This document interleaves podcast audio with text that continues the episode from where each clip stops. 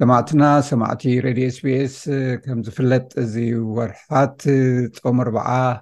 ብፍላይ ድማ ብኣመንቲ ኦርቶዶክስን ካቶሊካዊት ቤተክርስትያንን ኣመንቲ ዝፀምሉን ሕጂ ድማ ኣብ ምፍፃም እዋን ሕማማትን ድሮ ትንሳኤን ኢና ዘለና ነዚ ኣመልኪትና ኣብ ብርስበን ዝርከቡ መንእሰያት ኣመንቲ ዲያቆናት ብዛዕባኡ ክንዘራረብ ኢና ተራኪብና ዘለና ፈለማ የቀኒየለይ ዕዱማተይ ገዛእ ርእስኹም ኣፋልጡና እሞ ናብቲ ሕቶታት ክንከይድ ኣነ ማለት ዲያቆን ሰልጠነ ዮውሃንስ ይበሃል ካብ ቅድስቲ ድንግል ማርያም ናይ ብረዝበ ነጋጋሪ እየ። ኦኬ ያ ቴንክ ዩ ከምቲ ሓውና ዲያቆን ሰልጠነ ዝበሎ ማለት እዩ ብጣዕሚ ኢና ነመስግን ግዜ ፈልየኻ ከምዚ ብምግባርካ ኣነ ድማ ዲያቆን ሃብቶም ኣባ ይበሃል ማለት እዩ ካብ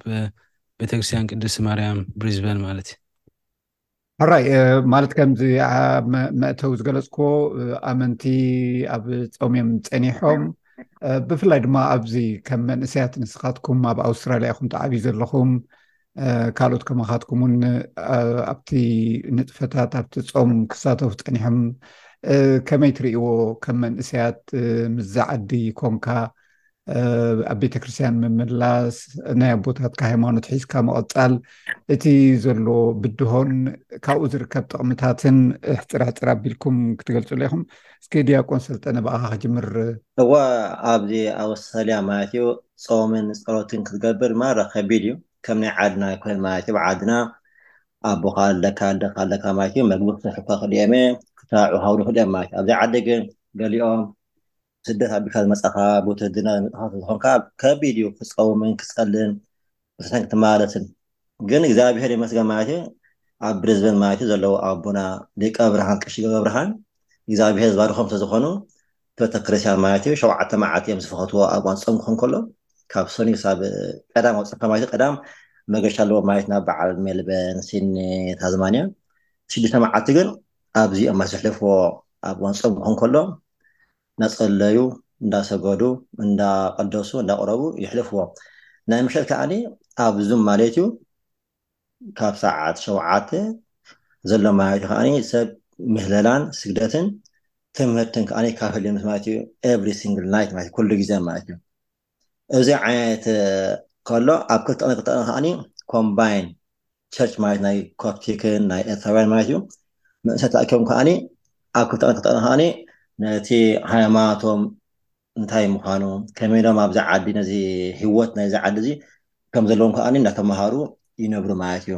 ማራ ማለት እዩ ደስ ዘብለካ ዓዲ እዩ ዓበይቲ ሸውዓተ መዓልቲ ብጽምዋ ማለት እዩ መጺኦም ምስ ቀሺ እናተራኸቡ የገልግሉ። መንእሰያት ከኣ ናይ ምሸት ማለት እዩ ድሕሪ ስርሖም እንዳመጹ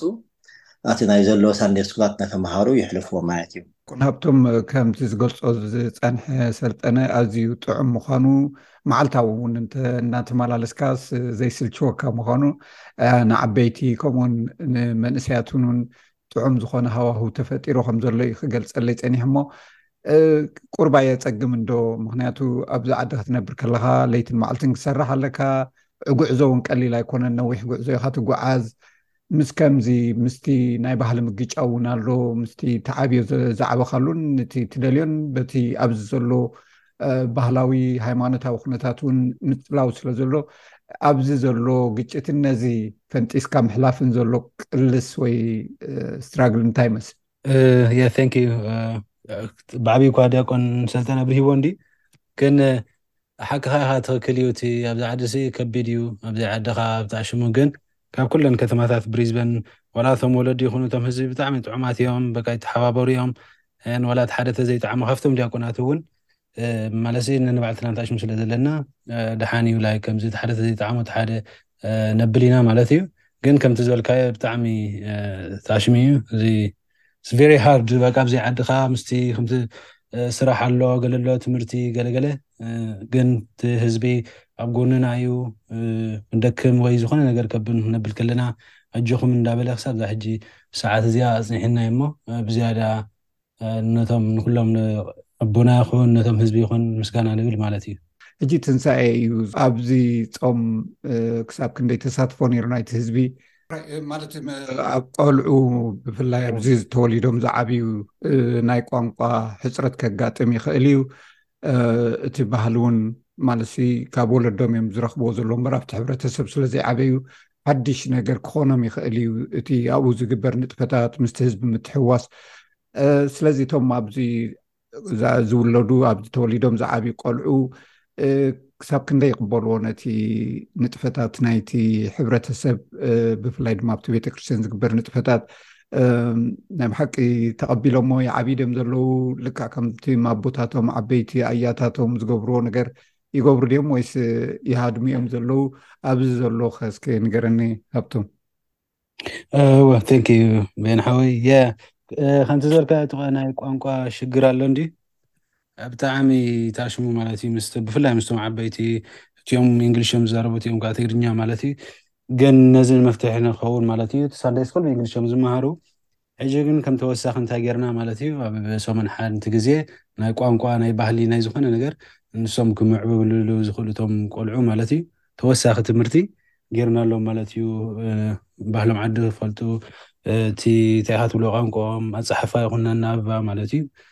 ሕጂ ክሳብ ሰማንያ ተስዓ ዝኾኑ ቆልዑ መጺኦም ማለት እዩ ካብ ዝነኣሱ ክሳብ ዓሰርተ ክልተ ዝውድኡ ማለት እዩ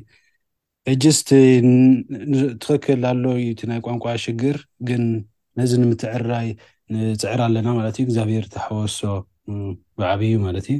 ሕራይ ጾም ተወዲኡ ኣሎ ትንሳኤ ከመይ ክበዓል እስኪ ማለትስ እንታይ ምድላዋት ኢኹም ትገብሩ ብዝማር ይኹን ብካልእ ንጥፈታት እንታይ እዩ ዝግበር ብፍሉይ ነገር ዝግበር ኣሎ ድዩ ቤተክርስትያን? ኣሎ ብጣሽሙ ማለት እዩ ካብ ሰዓት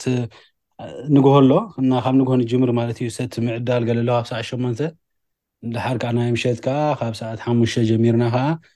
ንባብ መፅሓፍ ቅዱስ ማህሌት ድሓር ከዓ ካብ ሰዓት ዓሰርተ ከዓ ቅዳሴ ኣቲና ከዓ ብቅዳሴ ወዲና መዝሙር ገለ ፅቡቅ እዩ ዝሓልፍ ማለት እዩ ብከምዚ ኢና ፍሉይ ምድላው ዝግበረሉ ማለት እዩ ዘይፈልጦ ዓዲ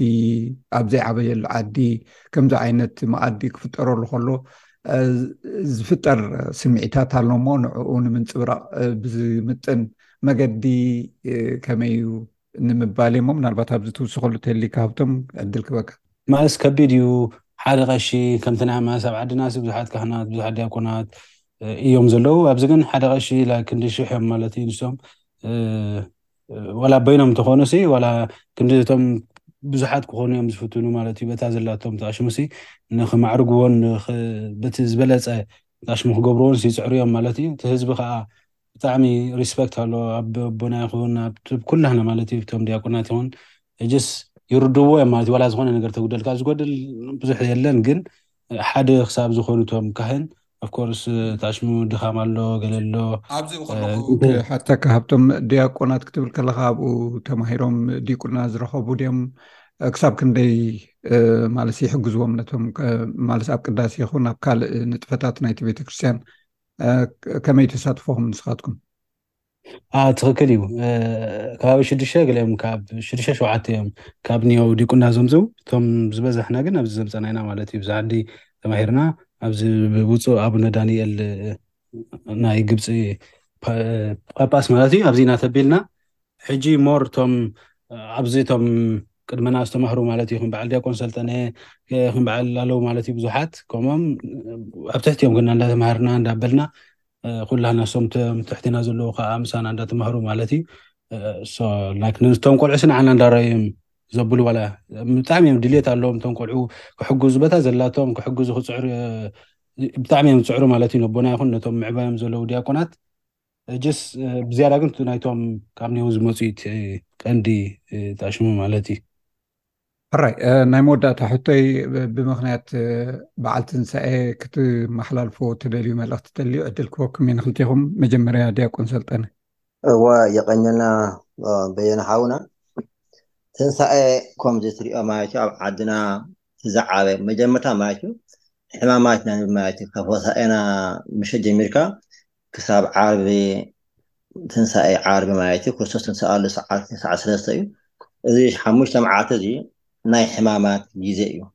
ኣብዚ ሰብ ኣብዚ ተዘይሓሚምካ ኣብዚ እንተዘይተሳቂኻ ምስ ክርስቶስ ኣብ ትንሳኤ ክተብዕል ፅቡቅ ኮይኑ ይስማዓኒ ንዓይ ማለት እዩ ስለምንታይ እዩ እቲ ክርስቶስ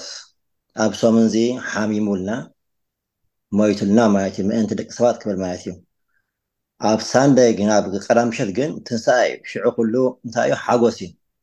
ክርስትና ከዓኒ ምስኡ እንዳወደቅካ እንዳተሳእካ ጸኒሕካ ሽዑ ክትስእ ከለካ እዩ ደስ ዝብለካ ማለት እዩ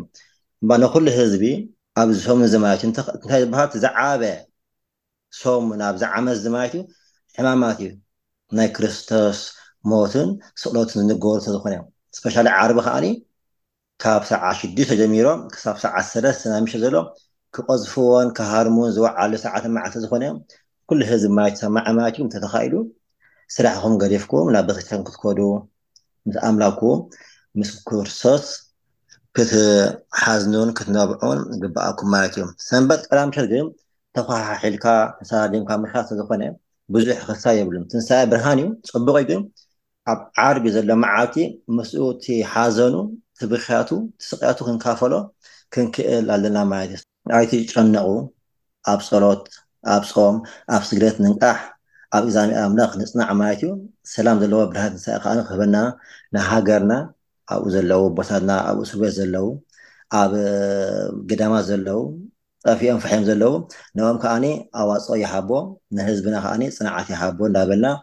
ሰላም ዘለዎ ትንሳኤ ይግበረልና። ድያቆን ሃብቶም ብሰላም ብጥዕና ዘጽንሕና ካብ ጽባሕ ናብ ጽባሕ እንዳሓለወ ዘጽንሕና እግዚኣብሄር ክብርን ምስጋናን ንዕኡ ይኹን ከምዚ ጾሙ ብሰላም ዘውደኣና ድማ ናብቲ በዓለ ትንሳኤኡ ብሰላም ከብጽሓና ናቱ ቅዱስ ፍቃድ ይኹን ንኹሉ ህዝበ ክርስትያን ማለት እዩ ናብ ብርሃነ ትንስኡ ብሰላም ከብፅሐና ድማ